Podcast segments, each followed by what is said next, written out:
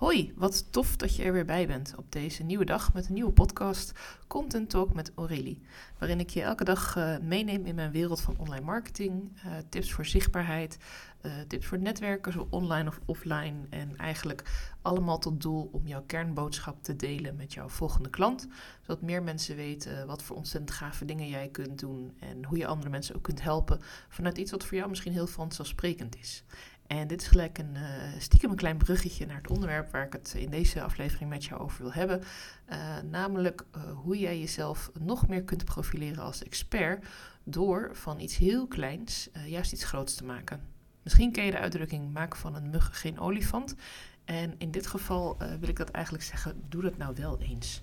Want eigenlijk bedoelen we met die uitdrukking natuurlijk van ja, als er iets heel kleins aan de hand is, ik weet niet, je hebt een lekker band, is dat nou echt het einde van de wereld? Nou, misschien voor jou wel, want je komt te laat op je afspraak. Je moet maar weer zien dat iemand je helpt met die band, of je moet hem zelf gaan plakken, of je moet naar de fietsenmaker brengen, of wat dan ook. Kortom, uh, voor jou is het een behoorlijke verstoring van je dag en kan het je echt wel even uh, ja, terugzetten een paar stappen op wat je van plan was. Misschien was je even snel een boodschap aan het doen voordat je naar een uh, meeting moet. Misschien was je onderweg ergens naartoe en gaat het nu niet door. Moet je iets ophalen voor een bepaalde tijd of nou, noem maar op. Kortom, ehm, voor jou is dat muggetje, dat, dat hele kleine stukje dat jouw bandlek is, is voor jou ineens een olifant. Want dat neemt toch wel een groot deel van je dag over. Misschien ben je er een half uur aan kwijt, misschien wel een halve dag. Ik weet het niet, gaat ook even niet om. Maar uh, dan zeggen mensen vaak, joh, weet je, het zijn wel ergere dingen in het leven dan dat. Uh, hè? Uh, denk aan alle wereldproblemen en politiek, dan, dan is wat stelt dan zo'n lekker band nou voor? En ik denk dat in dit geval is het ook wel eens leuk om te kijken, hoe kun je nou van een mug een olifant maken, dat het juist in je voordeel kan werken. En dit keer heb ik het dan niet over je lekke band, maar dan heb ik het over een heel klein stukje van jouw uh, aanbod. Uh, van iets waar jij heel goed in bent, waar je expert in bent, om dat lekker helemaal op te gaan blazen. Nou, hoe werkt dat? Uh, wanneer je namelijk expert bent. Stel je voor, je bent expert in dat je mensen helpt uh, met een soort beetje spirituele coaching. Dat jij zowel mensen coacht, maar ook uh, dat je een healing sessie geeft aan je klanten. En ja, eigenlijk voel je heel snel wanneer iemand binnenkomt wat diegene meedraagt. En krijg je ook al heel snel dingen door van hé, hey, misschien heeft zij dit en dat nodig. Of kunnen we het misschien daarover hebben. En als die klant dan begint te praten, dan op de een of andere manier beginnen dan bij jou ook beelden te komen. En kun je ook dingen eh, zien of voelen, of, of hoe dat dan ook voor jou werkt. Waardoor je die klant ook uh, kunt doorzien en kunt helpen. Misschien dat je door wat bullshit heen kunt prikken. Misschien dat je wat dingen kunt tonen van, uh, nou, heb je daar eens over nagedacht? Kan het misschien daarmee te maken hebben?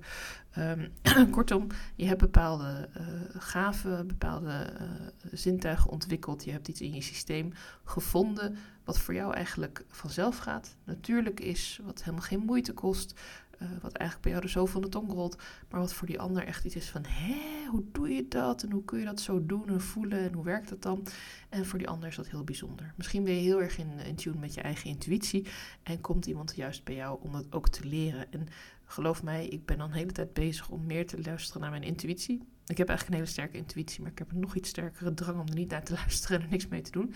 Dus ik ben dat echt uh, nu aan het ombuigen. En vandaar dat ik ook denk in deze podcast is het leuk om daar eens over te hebben van hoe ga je dat ombuigen? Hoe ga je iets heel kleins uit jouw kunnen groter maken? Een ander voorbeeld is bijvoorbeeld wanneer je heel goed bent met cijfers. Stel je werkt als uh, boekhouder of als accountant en je bent gewoon ja, je hebt het gewoon heel snel door. Je snapt ook heel snel, die boekhoudprogramma's zijn er best veel. Maar uh, ja, wat ik zo zie aan de vergelijking uh, die ik dan van mensen hoor, is dat eigenlijk de basis redelijk hetzelfde is. Alleen bij de ene heb je een betere mobiele app of heb je bepaalde functies of hè, zijn de pakketten net anders. Maar jij doorziet eigenlijk al cijfers zonder zo'n programma. En uh, jij kunt mensen heel goed helpen met te snappen, oké, waar zitten de kosten nu echt in? Waar verlies je je geld op? En waar zou je kunnen besparen? Waar zou je ook winst kunnen behalen? En voor jou is dat misschien wel iets wat gewoon heel makkelijk en natuurlijk gaat. En voor iemand anders, bijvoorbeeld ik ben een ontzettende alfa, ik zit veel meer op taal en op communiceren en op uh, praten, luisteren, lezen, uh, schrijven. En ik vind cijfertjes lastig. Ik zeg niet dat ik het niet kan, ik zeg dat ik er meer tijd voor nodig heb. Bij mij komt het niet vanzelf. Ik uh, heb niet meteen een overzicht van, oh, dit en dat. Ik kan het wel en ik weet ook wel hoe het moet, want ik heb het geleerd. Maar het komt niet zo eenvoudig bij mij binnen en het kost me ook veel tijd en heel veel energie. en ik vind het daardoor ook minder leuk. Want ja, alles wat je heel veel tijd en energie kost, dat kost, kan natuurlijk heel leuk zijn. Maar in veel gevallen, als het dan een beetje te wordt, dan ga je er toch een beetje tegenop zien. Dus ga je het ook uitstellen, dus wordt het alleen maar meer enzovoort enzovoort. Dus zie je wat, je wat je voor verschillen er zijn. Dus dat jij, als iemand die heel goed is met cijfers, kun je dan uh, zo iemand als mij heel goed helpen.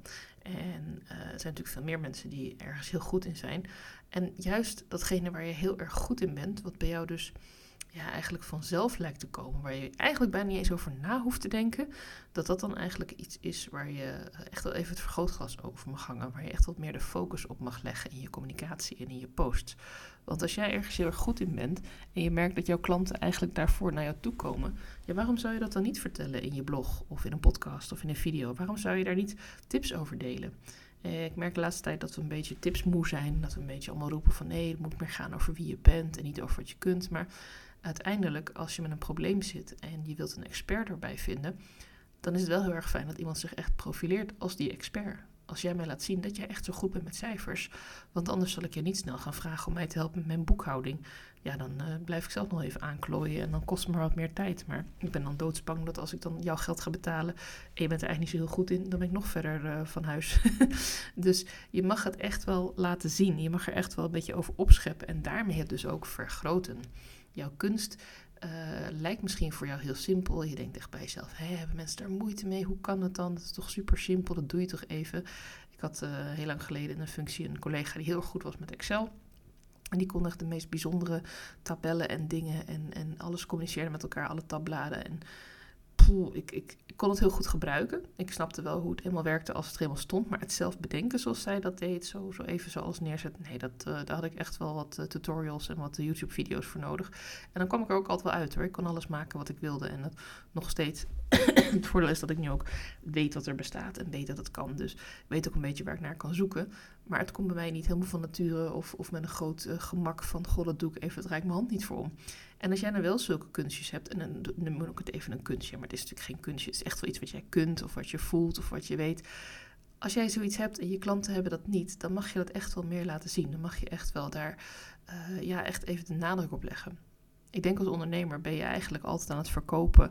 Ben je altijd jezelf. Je eigen business ben jij immers uh, voor een groot deel zelf, want jij bent je eigen werknemer. Uh, dus ja, het gaat ook om jouw talent, om jouw kunsten, om uh, de kennis en expertise die jij meebrengt. En dat mag je echt wel in de spotlight zetten. Dat mag je echt wel gaan delen met mensen. En van iets heel kleins iets heel groots maken, dat is eigenlijk hartstikke leuk. Dat is eigenlijk zeggen van, hé, hey, kijk eens, hier ben ik nou heel erg goed in. Uh, noem het een goocheltruc of, of uh, leg de, gooi de schijnwerpers erop, zet het in het licht, zet het naar voren, hoe, het ook maar goed voelt voor jou.